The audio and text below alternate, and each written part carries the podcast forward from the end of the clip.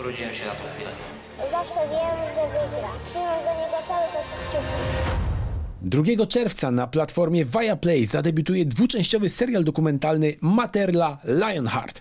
Jego bohaterem jest Michał Materla, jeden z najwybitniejszych fighterów MMA w historii Polski. A dzisiaj w podcaście musimy porozmawiać o kinie. Goszczę, mam przyjemność gościć twórców całego przedsięwzięcia Marcina Majerskiego i Pawła Domańskiego. Cześć. Witam serdecznie. Słuchajcie, zacznę od cytatu e, z wypowiedzi brata i menadżera Michała Materli, Norberta Sawickiego. On po premierze waszego filmu powiedział coś takiego. Paweł i Marcin mieli już dosyć tego. Pięć razy chcieli skończyć ten film, bo czekali na zakończenie kariery Michała. Drugiej części nie będzie, bo zbyt dużo nas to kosztowało. Miał rację. Proszę o komentarz. Marcin, pierwszy? E, e, wiesz co, tak było, tak było i nie było to proste zrobić ten film. E, ze względu na charakter Michała i to, że on jakby nie myśli w ogóle medialnie, on po prostu jest sportowcem i dla niego odbycie treningu, zjedzenie, spanie jest najważniejsze. I w ogóle nie myśli w kategoriach filmu, w ogóle nie myśli po co mu ten film. Do niego, przypuszczam, dotrze do, do niego jak będzie za 20 lat, jak będzie w fotelu siedział i obejrzy, że warto było. E, I, i jakby musieliśmy czasem zderzyć się ze ścianą, czasem to, co uzgodniliśmy, finalnie nie wychodziło, no i to jakby trochę podcina skrzydła i gdyby właśnie nie e, Albert, czyli przyjaciel Michała i Norbert, z którym tak naprawdę byliśmy cały czas w kontakcie, to by, to by tak naprawdę byśmy zajęli się czymś innym. No było kilka takich momentów, że bardzo poważnie rozważaliśmy, czy po prostu ciągnąć to dalej, bo my rzeczywiście mm, pierwotnie, jakkolwiek brutalnie to może zabrzmieć, rzeczywiście szukaliśmy finału opowieści o Michale w finale jego kariery. Natomiast y, bardzo trudno jest zaprojektować sobie czasowo ten moment, kiedy Michał rzeczywiście chciałby skończyć karierę, e, bo tylko Michał wie, kiedy Michał skończy karierę, więc nie było takiej możliwości, żeby właśnie na tym oprzeć finał filmu. Po prostu nie, po prostu nie. Trzy lata. Tyle trwały łącznie zdjęcia do filmu. Myślę, że trochę dłużej. Jeszcze dłużej. E, tak, ale natomiast e, jakby cofnąć się trzy lata we- wstecz, to był taki moment, kiedy też jakby zaprosiłem Pawła Domańskiego do, do współpracy i jakby mm, to moment, kiedy spotkaliśmy się z Michałem. Michał, słuchaj, mamy dużo materiału z tobą, ale musimy dograć wiele takiego jeszcze dodatkowego materiału i jakby śledzicie z kamerą i co ty na to? No i właśnie mieliśmy taką jedną, dwie rozmowy. E, Michał powiedział, jakby łapcie wszystko to, co związane ze sportem E, i tam nie ma z tym problemu, żeby być przy tym. Okazuje się, że udało nam się dużo więcej złapać E, i jakby Michał też jakby przekonywał się troszkę i budował zaufanie, bo jakby też musiałem Pawła wprowadzić trochę ten świat sportu MMA i też jakby sprawić, żeby Michał mu zaufał, no bo ja powiem ci tak, w sporcie i y, w MMA i wśród tych sportowcach jest jakby, że powiem, krótka piłka. Raz zawiedziesz, to zaufanie, które budujesz 10 lat, e, z dnia na dzień tracisz. E, I teraz e, i to jest, działa na takiej zasadzie. Ja ufam Pawłowi, Michał ufa mi, więc Michał zaufał Pawłowi. I jakby twojego przyjaciela jest moim przyjacielem. i jakby to wystarczyło zdanie i niepotrzebna była jakaś tam dodatkowa weryfikacja. Tyle, że jakby coś Paweł wywinął, to ja straciłem zaufanie. Ale nie Nie, nie, bo, bo ja Pawłowi też ufam w wielu jakby kwestiach i wiem, że, że jak Paweł zabrałby się za, za, zabrał się za tą historię, to wiedziałem, że to jakby finalnie powstanie coś dobrego. No. Mar- Marcin y, jest bardzo skromny, nie powiedział o jednej rzeczy. Marcin trenuje brazylijskie jiu-jitsu i to już od y, kilkunastu ładnych lat. Jest też y, kolegą klubowym Michała z Berserkers Team Szczecin. Więc Marcin doskonale zna środowisko fighterów, sportów walki. Współpracuje z, współpracował również na przestrzeni tych lat zarówno z Federacją KSW, jak i z firmą, która produkuje też ubrania dla wszystkich fighterów, czy dla większości fighterów w Polsce.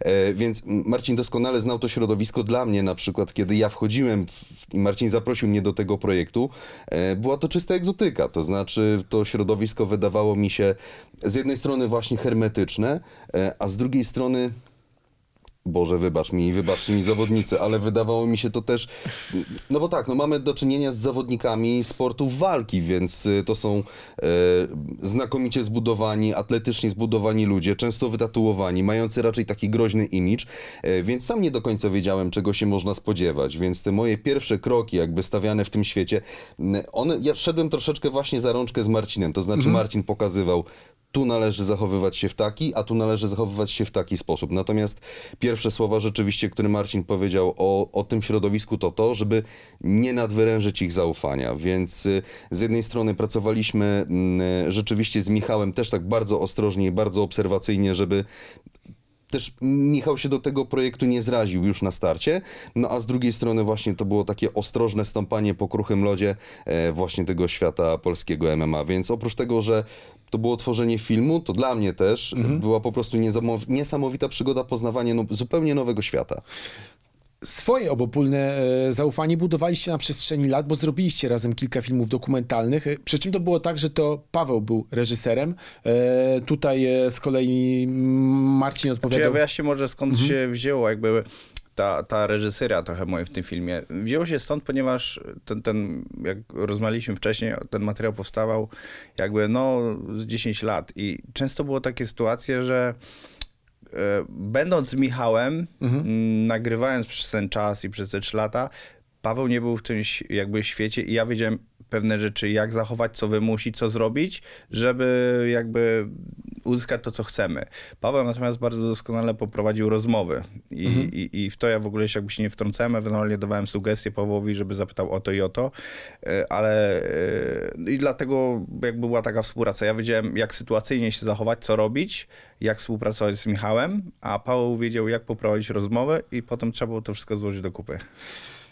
Dokładnie. E, Wracając do mojego pytania, Marcin do tej pory odpowiadał za zdjęcia, no ale tutaj jakby występowaliście już na równorzędnych prawach, jako dwaj reżyserzy. No jak wyglądał z kolei ten proces? E, Czy następowały jakieś zgrzyty, na przykład w, w koncepcji, jak chcieliście coś poprowadzić, czy wyglądało to raczej miło i przyjemnie? Znaczy, my mamy już wypracowany system, bo powiem, zacznę może od tego, że gdybyśmy wcześniej zrobili filmów dokumentalnych, to z ręką na sercu mogę powiedzieć, że tego filmu byśmy nie zrobili. Nie mielibyśmy doświadczenia.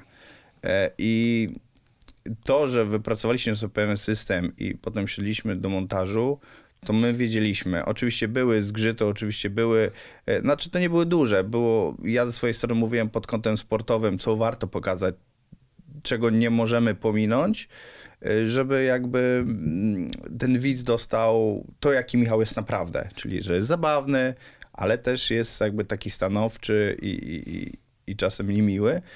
Em, A, a, a Paweł właśnie zależało mi na tym, żeby spojrzał na to takim okiem z zewnątrz, poza świata, żeby był właśnie obiektywny i, i, i- jakby powiedział, słuchaj, że to jest dla widza mało istotne, a to jest istotne na przykład, nie? No tak, dla Pawła to była też chyba niezła przesiadka gatunkowa, bo do tej pory realizowaliście raczej Kino dokumenty historyczne. Znaczy kino historyczne, natomiast w każdym dokumencie historycznym i wydaje mi się, że e, wydaje mi się, że takim kluczem dotarcia do widza, niezależnie od tego, czy robimy kino historyczne, kino związane z MMA, czy nawet gdybyśmy robili kino przyrodnicze, wydaje mi się, że kluczem do naszego odbiorcy, kluczem do widza jednak są emocje. To znaczy emocje są taką e, wspólną platformą dla nas wszystkich i jeżeli uda nam się pewnymi emocjami e, opowiedzieć historię, to niezależnie od tego, czy opowiadamy historię II wojny światowej, czy właśnie historię zawodnika MMA, jesteśmy w stanie dotrzeć do, do sumień i serc naszego odbiorcy. I takich właśnie sytuacji szukaliśmy w momencie też tworzenia filmu o Michale. Michał nie odsłonił nam tego może zbyt dużo, e, więc musieliśmy sobie to wszystko składać z takich drobnych, drobnych elementów, szukać Puzelków, emocji, tak, szukać emocji tam, gdzie Michał grał na przykład spojrzeniem. I tutaj fantastyczną robotę zrobił nie tylko Marcin, e, ale też żona Marcina, która e, również jest operatorem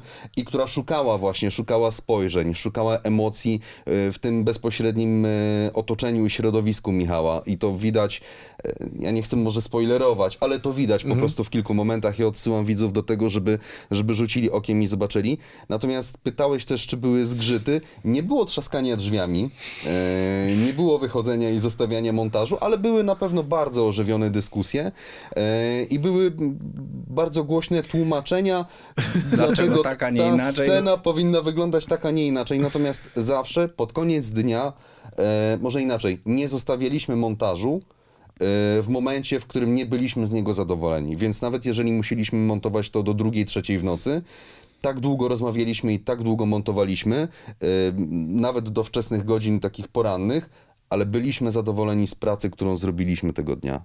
I to było bardzo ważne. Ja tutaj ważną kwestię, że bywało tak, że z, powiedzmy z 10, 10-godzinnego dnia montaże, montażowego, jak nie dłużej, to było tak, że 5 godzin temu żeśmy gadali i zastanawiali się, jak to zrobić, albo dlaczego to ma być tak, a nie inaczej. Paweł dawał swoje argumenty, ja dawałem swoje. No i potrafiliśmy przegadać pół dnia i potem to wsiąść tak naprawdę do montażu. No ale uważam, że to nie były godziny stracone, bo dzięki temu ten film wygląda jak wygląda i myślę, że, że, że to trzeba było wypracować jakoś. Jak wyglądało w ogóle twoje pierwsze spotkanie z Michałem Materlą? Pamiętasz się Oj, dobrze? nie pamiętam, wiesz, jak ja przyszedłem na matę, to byłem dzieciakiem, jakby to wiadomo, jak przychodzisz na matę i widzisz gościa yy, wytatuowanego i, i po tam po trzech latach jakby treningów, yy, wiesz, to były też czasy, że nie miało się za bardzo pieniędzy na kimono, nie?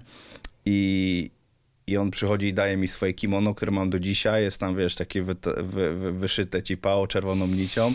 I to jest świetna też taka pamiątka, nie? Jakby, że, że ktoś spośród tylu osób też tobie to dał. E, no. Mhm.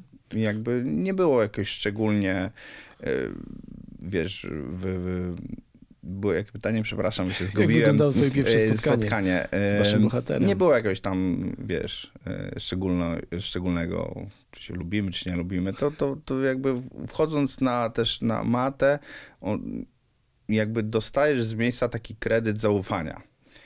To, o którym też rozmawialiśmy. Jeżeli jest wszystko w porządku, nie wiem, dogadujesz się i tak dalej, to, to, to nie ma jakichś tam problemów. No to właśnie też świetnie wasz film pokazuje, że z jednej strony oczywiście są wojownicy, którzy potrafią sobie przywalić e, każdą częścią ciała, ale kiedy kończy się walka, okazuje się, że są to najlepsi kumple. No, przypominam sobie wypowiedzi Mameda Halidowa, który mówi o tym, że chwila, w której został ogłoszony zwycięzcą po e, walce z Michałem Marterlą, była najgorszą chwilą w jego życiu. I się zastanawiałem, czy jednak to takie budowanie braterstwa na ekranie, czy to jest może taki może inaczej, troszeczkę to jest- pomniczek, to- to jest ale tak jest naprawdę. To jest oczywiście egzotyczne środowisko. Dla kogoś, kto obserwuje to wszystko z zewnątrz, to jest egzotyczne środowisko, e, ale trzeba też pamiętać, że to jest też w pewnym sensie środowisko ludzi, tak jak każde inne, gdzie jedni się lubią, drudzy się nie lubią. Natomiast to, co odróżnia te federacje czysto sportowe, jeżeli mówimy o federacjach sportów walki, od tych federacji, powiedzmy, freakowych,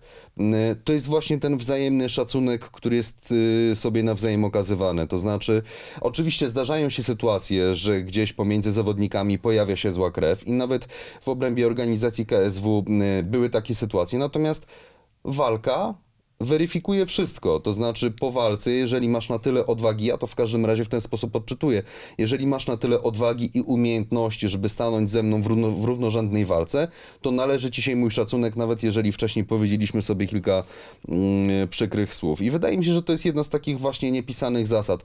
E, natomiast są też ogromne przyjaźnie. Jeżeli mówimy o tych właśnie, jeżeli mówimy o Federacji KSW i tym e, świecie, który wydaje mi się, że jest najbliżej Michała, to tam są też ogromne przyjaźnie, jest ogromne wsparcie. Jeżeli na przykład y, podczas jednej gali y, walczy trzech albo czterech zawodników y, z jednego klubu, to warto zwrócić uwagę później na narożniki, bo ci zawodnicy, którzy chwilę wcześniej walczyli, zakładają już koszulkę swojego klubowego kolegi i wychodzą po swojej walce, nawet ciężkiej, wychodzą, y, wychodzą razem ze swoim kolegą, żeby, żeby udzielić mu wsparcia. E, No i to jest fajne. Ten kodeks honorowy, który obowiązuje w tym, w tym świecie sportu walki, jest naprawdę czymś, co z jednej strony warto obserwować, a z drugiej strony wydaje mi się, że jest też parę takich elementów, które warto byłoby przeszczepić do takiego naszego świata spoza tego kręgu sportu walki. Właśnie to najbardziej lubię w waszym filmie, bo z jednej strony jest on bardzo głęboko zanurzony w świecie sportu walki, ale wydaje mi się, że jest również bardzo, ale to bardzo uniwersalny. Pamiętam jak wyszedłem z seansu i wydawało mi się, że to jest kurczę, uniwersalna opowieść o tym, że nieważne, to cytat z Rockiego, myślę, absolutnie podsumowuje to, nieważne jak mocno bijesz, ale jak jesteś, jak dużo jesteś w stanie zjeść, znieść i dalej iść do przodu. Każdy z nas jest w stanie odnaleźć się w historii Michała Materli, który miał różne zawirowania w swoim życiu, ale ca cały czas był w stanie podnieść się i iść dalej. No właśnie takie też było za, trochę założenie, żeby zrobić taki film trochę motywujący do działania i pokazujący, że można przezwyciężyć problemy. Ale chciałem ci jakby jeszcze jedną rzecz e, powiedzieć, y, jakby bo taką dopowiedzieć do poprzedniego pytania odnośnie realizacji tego filmu, bo tego może nie było widać, ale e, najważniejsze było łapać ujęcia w szatni. I teraz tak, e, raz e, raz wrzuciliśmy jednego operatora, którego Michał gdzieś tam nie kojarzył, jakby miał stycznią. Nie, nie, nie, jakby chodzi o to, to, to w ogóle nie weszło do materiału, ale były, były takie, mm, była gala, na której był inny operator w szatni i Michał go gdzieś tam wygonił po, po jakimś tam czasie, nagrałeś, dobra, idź sobie. I teraz y, ja wiedziałem, domyśliłem się, że tak może być, no bo y, no bo zawodnik w szacie musi przede wszystkim czuć się komfortowo, dla niego musi być najważniejsza rzecz walka. I jakby też nie potrzebuje dodatkowych osób, on musi sobie swobodnie rozmawiać między, mm, między swoimi znajomymi i tak dalej. I teraz najważniejsze było to, że my nie mogliśmy dźwiękowca wziąć ze sobą styczki, którego Michał nie zna. Tak? Bo zazwyczaj jakby w zespole dokumentalnym jest taki dźwiękowy styczką, który łapie dźwięk, prawda? No my tego nie mogliśmy zrobić, no bo wiedziałem, że Michał wtedy się nie otworzy. Więc tak naprawdę y, w szatni byłem skazany tylko na siebie. Paweł też był w tej szatni. E, Natomiast Paweł też czasem e, wychodził, czasem wchodził i jakby to nie było kompletnie problemu, ale musiał się pojawić dźwięk, więc y, mając zaufanie jego przyjaciela Alberta, często ukrywaliśmy te mikroporty wewnątrz, jakby koszulki, tak żeby Michał ich nie widział i wszystkie jakie rozmowy, kiedy był prace z Michałem, to coś, to jakby mogliśmy to wyłapać. Była to może taka niecodzienna technika, ale musieliśmy jakoś sobie poradzić z problemem i jakby tak naprawdę jedyną osobą, która mogła nagrać szatni, to byłem ja, albo właśnie moja małżonka e, Małgosia, która też jakby zna Michała i też ma zaufanie. Jakikolwiek inny operator, no ciężko, żeby, było, żeby był, że tak powiem, od początku gali do samego. On mógłby oczywiście nagrać, tylko najlepsze są ujęcia te wyczekane, kiedy na przykład ktoś siedzi po przegranej i wiesz, że, że ty czujesz, że on nie chce być nagrywany, a ty to robisz. Więc ja też nawet czułem się, że kurde, ja nagrywam, zaraz mi coś powie, troszkę. tak, przekraczam tą granicę. Mm, ale Michał wiedział, że jakby ja coś, co nie wiem. No, może na tym skończmy. Natomiast, ale były też takie momenty, ale były też takie momenty, gdzie ta tyczka przydawała nam się na kilka różnych sposobów. Była, była. No. E, Bo po ostatniej walce, którą nagrywaliśmy, i to była ta walka finałowa e, Michała, kiedy Michał już, zanim jeszcze poszedł do swojej szatni, trafił do punktu medycznego, e, po prostu tyczkę trzeba było wykorzystać jako statyw dla kroplówki. Więc z jednej strony stałem z styczką, nagrywałem, nagrywałem dźwięk, wszystko to, co się działo, a z drugiej strony medycy uznali, że okej, że to jest fajne, żeby akurat powiesić sobie kroplówkę na tym, więc mieliśmy złapany dźwięk, a z drugiej strony Michał miał dostarczane wszystkie podstawowe mikroelementy. W ten sposób świat sztuki i sportu No, zabierały trzeba razem było sojusz. łączyć różne funkcje jakby dla idei filmu, e, biorąc jakby to, że ilość osób musi być ograniczona naprawdę do minimum. Te, które ściśle współpracują, te, które znają się z nim osobiście i to nie może być ktoś z zewnątrz. To jakby na tym polega filmowanie takich osób no, znanych i które cenią sobie prywatność. No i były też takie momenty na pewno w trakcie realizacji tego filmu, kiedy zadawaliście sobie pytania, co dalej. Myślę sobie na przykład o śmierci bratanka Michała e, i syna jednego z bohaterów waszego dokumentu. To był moment, którego nikt oczywiście nie mógł się spodziewać. I teraz jak patrzę na Pawła, myślę, że wspomina tę chwilę. I, Bo- i co wtedy myśleliście? Mogę, Marcin? Tak, tak. Bo ja pamiętam, ja pamiętam ten moment, kiedy przyjechałem do Marcina na montaż. Eee, w ogóle już samo mówienie tak naprawdę o tym dniu sprawia, że gdzieś mam takie uczucie kostki lodu za koszulką. Natomiast e, pamiętam jak przyjechałem do Marcina, e, byliśmy umówieni na montaż i Marcin powiedział mi, że syn Norberta jest bardzo chory. Natomiast y, to, to, to, to jest bardzo ciężkie doświadczenie, dlatego że Norbert przez cały czas niezwykle nam pomagał. Był nam ogromnie życzliwy, był e, do naszej dyspozycji i. Jest jedną z ważniejszych postaci w jedną z ważniejszych postaci jakby nie tylko dla samej fabuły filmu, ale też w ogóle jakby dla powstania tego filmu. I, yy, i z jednej strony myśleliśmy o całej tej sytuacji po prostu jako o Norbim, jako, jako naszym koledze, przyjacielu. E, Z drugiej strony obaj też mamy dzieci i, i, i, i myśleliśmy o tym po prostu jako, jak ojcowie. E, jakoś bardzo krótko po tej informacji otrzymanej, że y, syn Norbiego jest ciężko chory, otrzymaliśmy informację, że, że syn Norbiego odszedł. E, I, I to był ten moment, gdzie ja mam, gdzie w pamięci zapisała mi się tylko taka carte blanche, to znaczy ja już naprawdę, no, no w tamtym momencie nie wiedzieliśmy, nawet chyba nie myśleliśmy wtedy za bardzo o filmie, szczerze powiedziawszy. Jakby kompletnie nie podchodziliśmy do tego zawodowo. E, tylko byliśmy niesamowicie przygnębieni. Nie wiem, czy to słowo w ogóle jakby oddaje też charakter tego, jak się wtedy czuliśmy, ale e, to, no byliśmy, os, to, to byliśmy osłupiali e, i, i nie wiedzieliśmy, tu przez 2-3 dni tak naprawdę nie wiedzieliśmy zupełnie, e, jaki ruch wykonać, czy w ogóle jakikolwiek ruch wykonywać. I... I dopiero później takie bardzo ostrożne konsultacje z Norbertem, bo wszystko uzależniliśmy od Norberta tak naprawdę. Norbert, Norbert, ty nam powiedz co dalej. To znaczy, do całej tej sytuacji mieliśmy tak ogromny szacunek, e, że byliśmy w stanie kompletnie porzucić pracę nad tym filmem.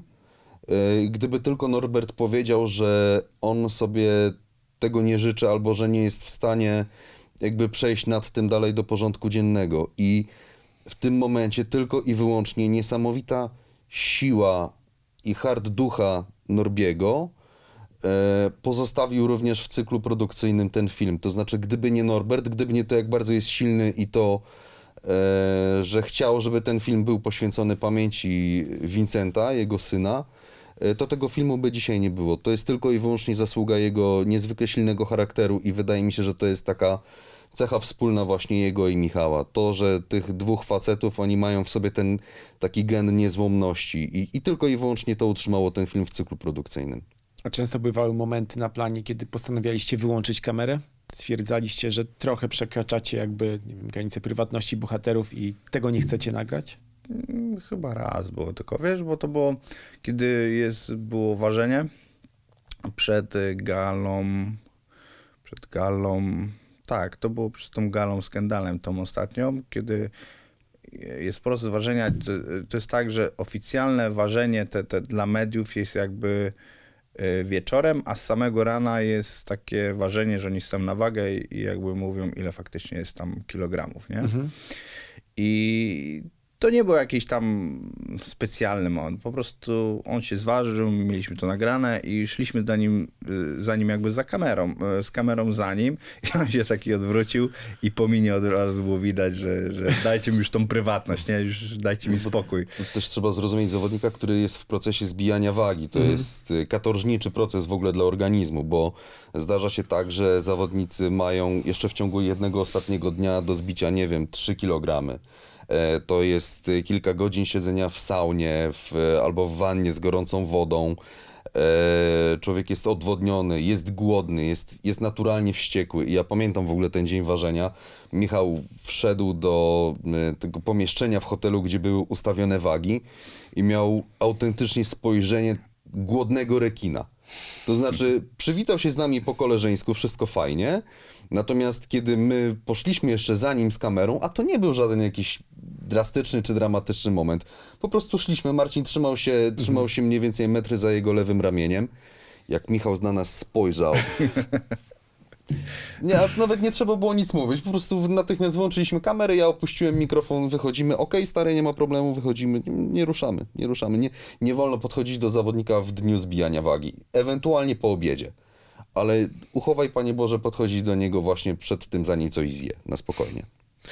Myślę, że takim momentem, który również został we mnie bardzo mocno po obejrzeniu waszego filmu, y, była rozmowa z synem Michała Materli, który wspomina e, rozłąkę z tatą w związku z tym, że trafił on do aresztu e, po pomówieniach, można tak to chyba nazwać, e, świadka koronnego, jeżeli dobrze pamiętam.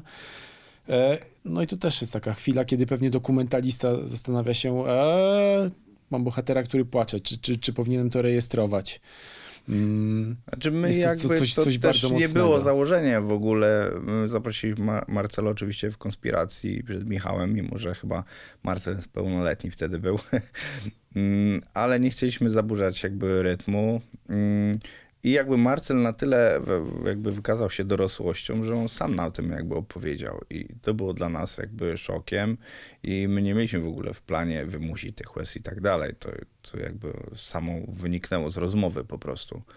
I to, I to, jak on o tym opowiadał, to, to naprawdę jest bardzo dojrzałe. Mhm.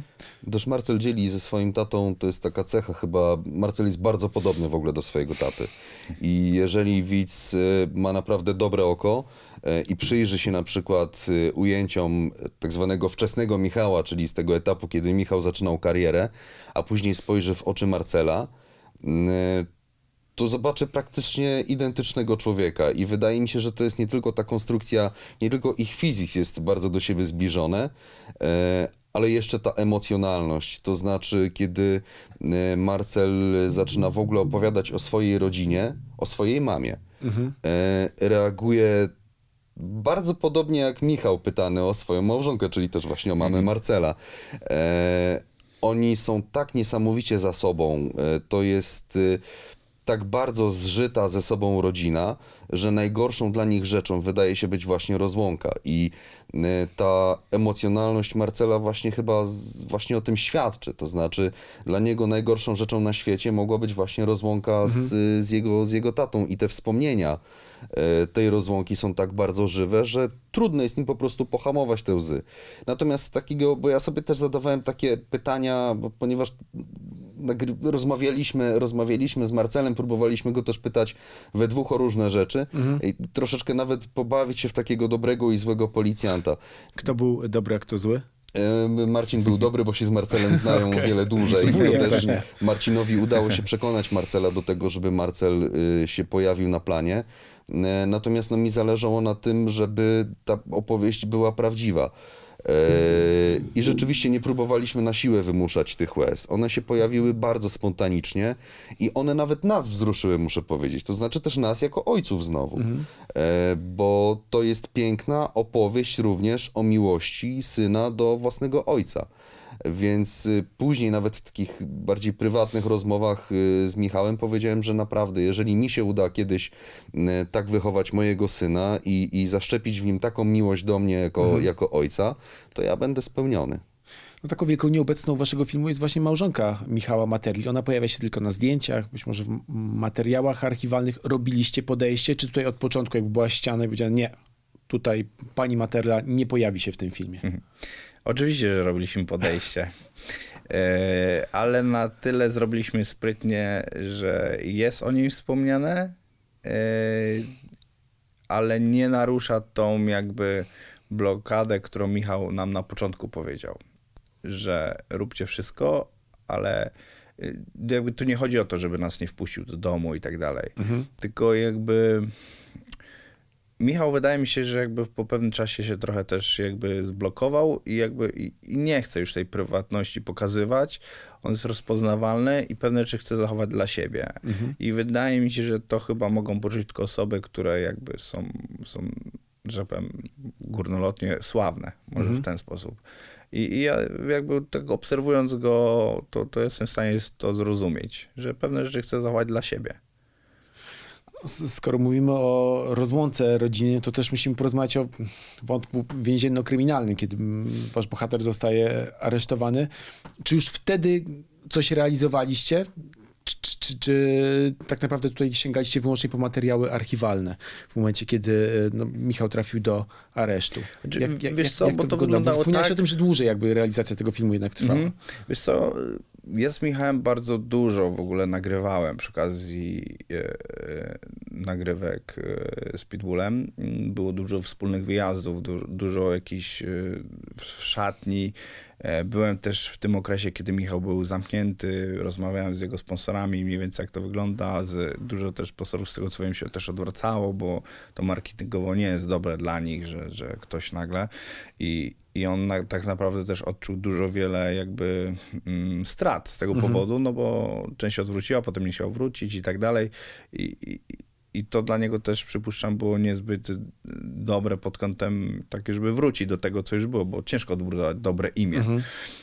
I, I jakby ten materiał, który, który jest w tym filmie, tak, bo było pytanie, przypomnij mi jeszcze o... No chciałem podpytać właśnie o realizację materiałów, bo wspomniałeś o tym, że te zdjęcia we pozoru nie trwały tylko 3 lata, tylko znacznie, znacznie wcześniej już mhm. mieliście pomysł i jakieś zarzewie tego całego przedsięwzięcia. Jak to wtedy realizowaliście? No nie wiem, na przykład są sceny z aresztu, ile dobrze pamiętam, kiedy Wiesz Michał na przykład... sceny z aresztu są dzięki uprzejmości KSW.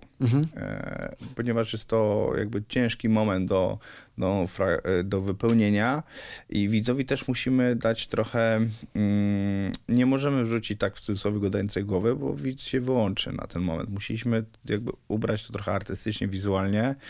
I z tego, co znam kulisy tego nagrania, to, to Michał jak przyjechał, bo to było w ogóle podczas nagrania z traileru. I z Aha. tego okresu tak naprawdę, kiedy on w ogóle wyszedł z tego więzienia, więc to było tak, że, że Michał e, przyszedł z tego więzienia powiedział, że on nie będzie tu nagrywał. On tego nie chce.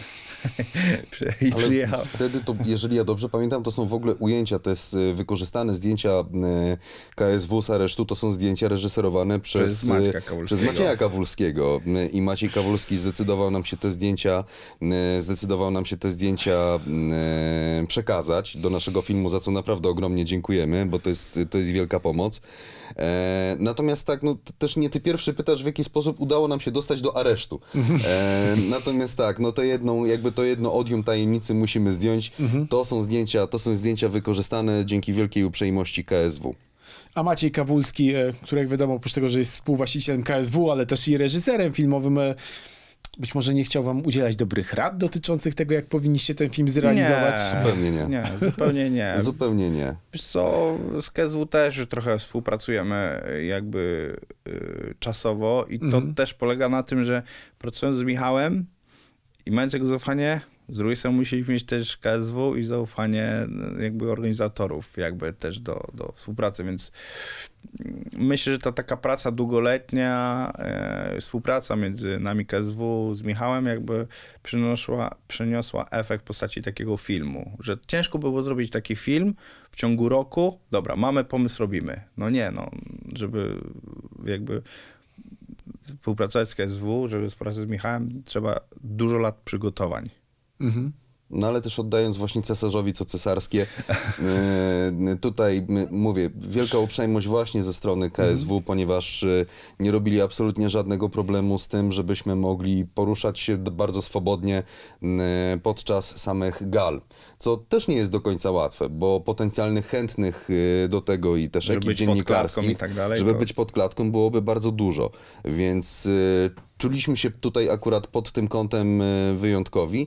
No inna sprawa jest taka, że ta współpraca z KSW układała się też do tego stopnia, że, no bo bardzo trudno byłoby pokazać historię Michała bez y, pokazania w, go w kontekście właśnie KSW, e, bo też uczciwie trzeba przyznać, że Michał jest fenomenalnym zawodnikiem, ale to KSW e, stworzyło właśnie tę platformę do tego, żeby ci najlepsi zawodnicy w Polsce mogli się zaprezentować, więc e, musieliśmy wykorzystać e, archiwalne fragmenty walk, między innymi pierwszej walki, którą Michał stoczył jeszcze wtedy w ringu KSW.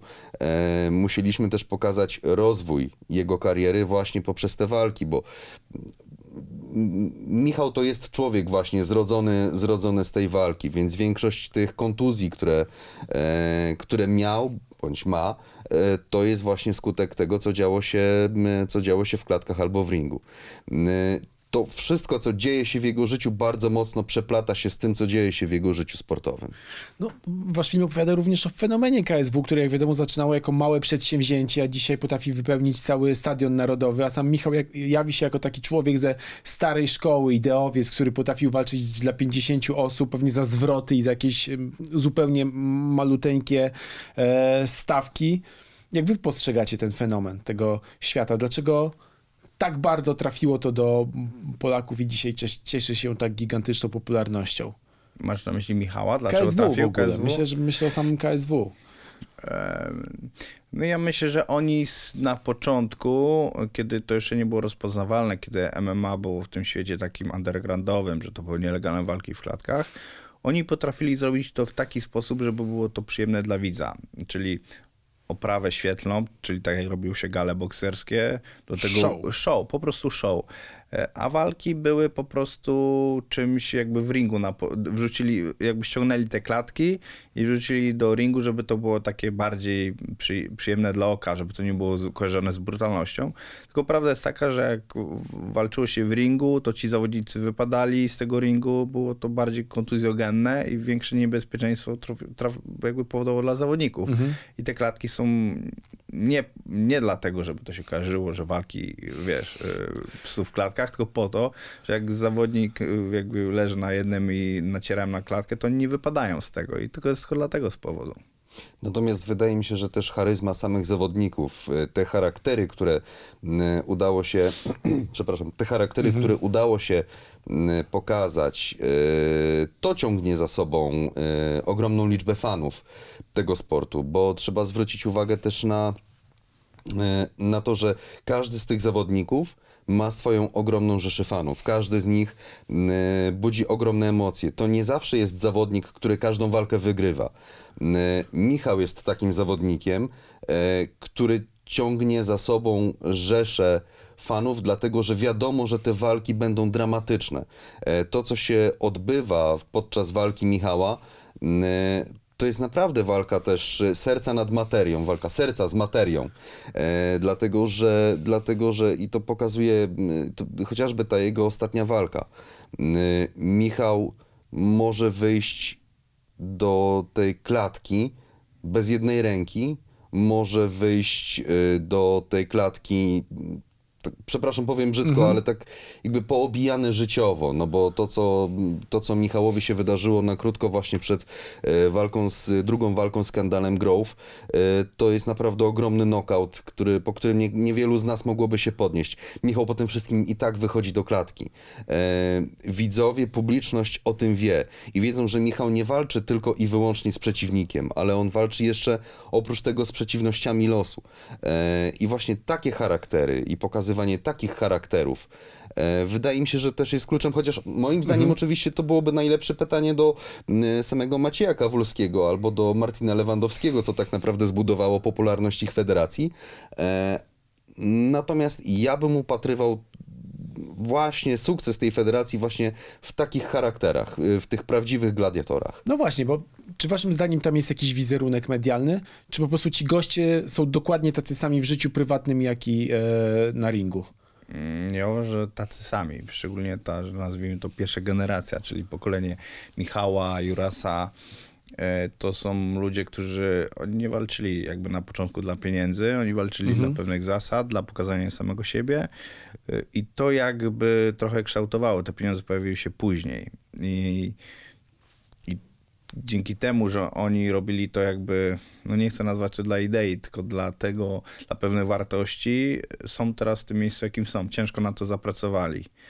E, no, No, a jak patrzycie na przykład na młode pokolenie, myślę, że to jest trochę inaczej. Jakby że oni już od zaczyna początku się od innej taki strony. plan tak. biznesowo-sportowy? Y, Myślę, że tak, że to już trochę bardziej zaczyna się od kąty biznesowej niż od strony biznesowej niż od strony umie, umiejętności.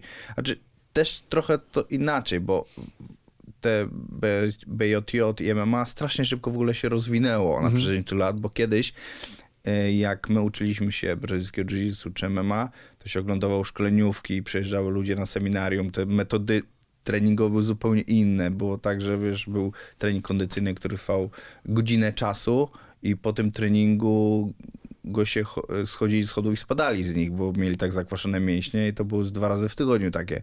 Teraz to jest nie do pomyślenia robić takie treningi i jakby to, że jest dużo tego sportu ma, to on się tak szybko rozwinął, że teraz y, jakby postępy są znacznie szybsze niż kiedyś były.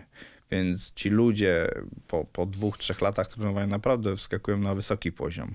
Ale mam wrażenie, że chcesz zapytać, czy gdzieś na horyzoncie jest drugi Michał Materla. Nie, nie, o to was nie chciałem zapytać. Ja jeszcze miałem taką refleksję, że e, MMA w Polsce można porównać też do polskiego hip-hopu, bo kiedy pomyśli się o tym pierwszym rzucie raperów, nie wiem, o Moleście, Zip Składzie, to oni też mówili, po pierwsze nie dla sławy, nie dla pieniędzy i jak się popatrzy na now, młode pokolenie raperów, tam jest dokładnie odwrotnie, jakby wizerunek, kwestie finansowe są na pierwszym miejscu, muzyka czasem bywa z boku, ale może to jest krzywdzące.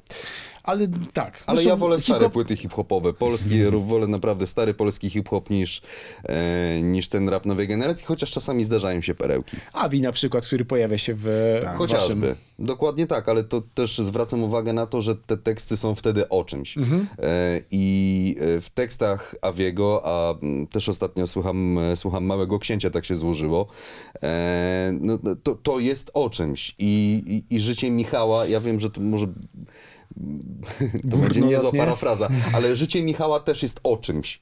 E, to znaczy, to jest właśnie taka konstrukcja człowieka stworzonego w bardzo trudnych warunkach. Nawet kiedy wybieraliśmy otoczenie, w którym, mieli, w którym mieliśmy nagrywać Michała, Rozmawialiśmy o tym, że to powinno być otoczenie surowe. Wybraliśmy jedną z hal stoczniowych w, w Szczecinie, w miejscu, w którym się obry, tak naprawdę dokonuje obróbka skrawaniem. Tam się tworzy, e, tam się tworzy śruby napędowe. Dokładnie tak, bo to jest właśnie to surowe środowisko. Michał ma bardzo podobny charakter i charakter, który wykuwał się w podobnych, bardzo surowych warunkach, bo życie Michała nie oszczędzało, a Michał mimo wszystko, e, mimo wszystko osiągnął naprawdę bardzo znaczący sukces. Michał jest oczywiście fantastycznym bohaterem dla dokumentalistów, ale czy na przykład, kiedy realizowaliście sceny e, u lekarza i ten lekarz mówi, no ja wiem, no ja mu dam zastrzyk, zrobimy jeszcze jakąś terapię, ale to, to jest tak naprawdę tylko szpachlowanie e, ciała, które jest już tak uszk- uszkodzone i tak wyeksploatowane. Niekoniecznie. Wiesz co, Michał się jakby bardzo dobrze prowadzi i jak tak spojrzy się na jego wyniki i do, do, to, to naprawdę ten człowiek dobrze je, ciągle ćwiczy. Jedyne, co uważam, brakuje mu to odpoczynku. Powinien, po, inaczej, powinien wiedzieć, kiedy sobie robić przerwy i tak dalej, ale on jakby żyje sportem i Może, No. bo trudno robić teraz jakby jego, y, może inaczej, nie jesteśmy w posiadaniu y, karty zdrowia Michała, E, więc bardzo trudno nam się wypowiadać y, w sposób ekspercki, w jakiej on y, jest w tym momencie kondycji. To y, oczywiście wie Michał, który zawsze powtarza, że zna swoje ciało. E, To wie również jakby ten sztab medyczny, y, który nad Michałem czuwa. Natomiast y, w takich rozmowach, y, też i bardziej prywatnych, już nie tylko na potrzeby samego filmu, y, można, mo- mogliśmy się dowiedzieć chociażby od fizjoterapeuty, od Sebastiana Kwiatkowskiego, że mm, te rany i blizny, które widać na, na, na ciele Michala, to są oczywiście ślady walki, natomiast one niekoniecznie odzwierciedlają to, co może dziać się w jego wnętrzu. U Michała najważniejszym czynnikiem sprawiającym, że Michał jest bądź nie jest zdolny do walki, jest jego serce, jest jego chęć do walki. Jeżeli y, serce Michała podpowiada, że on może iść walczyć, to naprawdę Michał może iść walczyć. E, natomiast wszystkie urazy, mniejsze bądź większe, no trzeba pamiętać, że MMA jest sportem niezwykle kontaktowym, e, więc y, te urazy w pewien sposób one są naturalne. Michał też się w walkach nie oszczędza. Natomiast ja byłbym bardzo ostrożny e, właśnie podczas wydawania takiego osądu, czy Michał może nadal walczyć pod kątem medycznym, czy nie. Ja bym się nie odważył na taką diagnozę. N- Natomiast możemy wrócić oczywiście do sytuacji y, sprzed tej ostatniej walki, y, gdzie rzeczywiście Michałowi wysiadła prawa ręka. No i to jest, y, i to jest fakt. To znaczy Michał, y, Michał cierpiał fizycznie. Michał bardzo cierpiał i te sceny, w które nagrywaliśmy, kiedy Michał leży na tym łóżku operacyjnym, ja nie chcę znowu spoilerować i mówić, co takiego się tam zadziało, ale było bardzo duże niebezpieczeństwo, że y, przypadkowo można byłoby mu znieczulić nie te nerwy, które trzeba i, i to oznaczałoby dla Michała paraliż. E, widząc, obserwując, to była jedna z takich dla mnie jakby jedna z najtrudniejszych scen. To znaczy, bo pytałeś również na, mniej więcej na początku naszej rozmowy, czy gdzieś nie czuliśmy, że przekraczamy y, te bariery prywatności Michała. I Ja mam wrażenie, że ja wtedy dotarłem do takiej bariery. To znaczy, obserwowałem cierpiącego człowieka i przestałem traktować go już jako obiekt, w cudzysłowie, do, do, do filmowania, do nagrywania, e, a, a zacząłem patrzeć po prostu jak na niezwykle cierpiącego, silnego, niesamowicie silnego, ale jednak cierpiącego człowieka i miałem z tym pewien problem. Ale z drugiej strony, kiedy Michał pokonuje z tą ręką uszkodzoną swojego przeciwnika, no to dla dokumentalistów to jest chyba absolutnie idealna sytuacja, kiedy można kręcić prawdziwy triumf, że w kinie nie dałoby się tego tak dobrze pokazać. Pewnie gdyby y, powstał film fabularny, to tutaj ktoś mógł powiedzieć, e, to nieprawda, on z jedną Znaczy, ręką no pokonałby właśnie, chciałem ci przeciwnika. powiedzieć przed filmem, osoba, która tłumaczyła też po części nam ten film, e, ona powiedziała coś takiego, że gdyby obejrzał taki film fabularny, to powiedział, że reżysera poniosło. A my, Dzięki, mamy, Filipek. a my mamy dokument, także No, e, tutaj jeszcze jeden cytat e, z, Michała Materli. Powiedział, że chciałbym bardzo, żeby ten serial stanowił swego rodzaju inspirację, ale też lekcję i przestrogę dla wielu młodych zawodników. Myślę, że jest on przestrogą przed czym? Z perspektywy już tych kilku lat spędzonych z Michałem Materlą. A to jest bardzo dobre pytanie, mi się wydaje, z kolei do młodych zawodników. To znaczy, no wkraczamy, wkraczamy, wkraczamy na pewną ścieżkę, ścieżkę, która oznacza, ścieżkę, która oznacza po pierwsze sport kondycyjnie niezwykle wymagający. Y, Z drugiej strony, my wchodzimy też na ścieżkę kariery, która może nas w bardzo różny sposób poprowadzić. Wydaje mi się, że swoją karierę należy prowadzić niezwykle umiejętnie i, i, i nie, po, nie polegać na, na chwilowych zachciankach, może tak bym to ujął. To znaczy, tu nie chodzi o to, żeby być sławnym. E, Tu wcale nie chodzi o to, żeby tu nie chodzi też o rozpoznawalność za wszelką cenę. Wydaje mi się, że to, dzięki czemu Michałowi udało się tak sprawnie poprowadzić swoją karierę, e, to po pierwsze pomoc osób, które były dookoła niego i też umiejętnie tę te, karierę pomagały mu układać, właśnie Norbert Sawicki między innymi, ale to jest też kwestia umiejętnego dobierania sobie przyjaciół, takich, którzy będą z nami na dobre, ale przede wszystkim na złe bo wydaje mi się, że to również pomagało bardzo Michałowi. E, Kwestia obudowania siebie takim murem rodziny i przyjaciół. To jest niezwykle ważne, bo to jest taka ostoja. A o tym się bardzo często zapomina właśnie budując karierę. Człowiek podąża za, jakimś, za jakąś ułudą y, i wydaje mi się, że wymyka mu się z rąk to, co jest najważniejsze. Więc jeżeli ja miałbym widzieć gdzieś tutaj przestrogę właśnie dla młodych zawodników, to chyba właśnie w tym. Umiejętnie budować swoje otoczenie, ja bym jeszcze tutaj dorzucił, jednak oszczędzać troszeczkę swój organizm, żeby tej kariery wystarczyło na dłużej. Na początku naszej rozmowy wspomnieliśmy o tym, że e, długo poszukiwaliście puenty dla swojego filmu. Czy kiedy w takim razie ta puenta już nastąpiła, to wiedzieliście, że ją macie, czy, czy to też e, wymagało trochę przetrawienia, e, żeby zdać sobie sprawę, że ten moment już nastąpił, mamy to i możemy przystąpić do postprodukcji? to już wiedzieliśmy o tym, że, że jakby na tym będziemy chcieli mniej więcej zakończyć i bez względu, czy Michał wygra tą walkę, czy przegra, to wiedzieliśmy już, jak mniej więcej chcemy ją zakończyć. No i co najważniejsze, Także- mieliście bohatera, który, no, jak sam często powtarza w waszym filmie, no, można go pokonać, ale jego charakteru e, Może mu zabraknąć Tak. siły, może mu zabraknąć kondycji, ale nigdy nie zabraknie mu charakteru. Tak, złotymi zgłoskami. E, to jest jeden cytat z Michała i drugi znam swoje ciało. No, e, ten pierwszy cytat absolutnie można sobie wytatuować. To jest takie hasło nadające się dla tatuażystów. A tymczasem przed Michałem Materlą e, Wielka Walka 3 czerwca. I jak? Wiem, że trzymacie oczywiście kciuki za swojego bohatera, a jakiego szanse z kolei oceniacie? No jesteśmy walce. złymi o, o, osobami, żebyś o to pytał, bo nasza odpowiedź jest oczywista. On wygra. Wygra. On wygra i tutaj nie ma innej, innej opcji, nie ma innej możliwości po prostu. I tym razem będziecie mogli wybrać się na galę, ale już nie z kamerą, tylko spokojnie sobie e, zasiąść i śledzić No, ze spokojem to nie będzie miało za wiele wspólnego, emocje naprawdę mogą, mogą nami targać, zwłaszcza, że Michał nie jest jedynym zawodnikiem ze Szczecina, który tam walczy. Zresztą w ogóle cała ta, e, cała karta walki jest po prostu, jest po prostu niezwykła i naprawdę godna Stadionu Narodowego.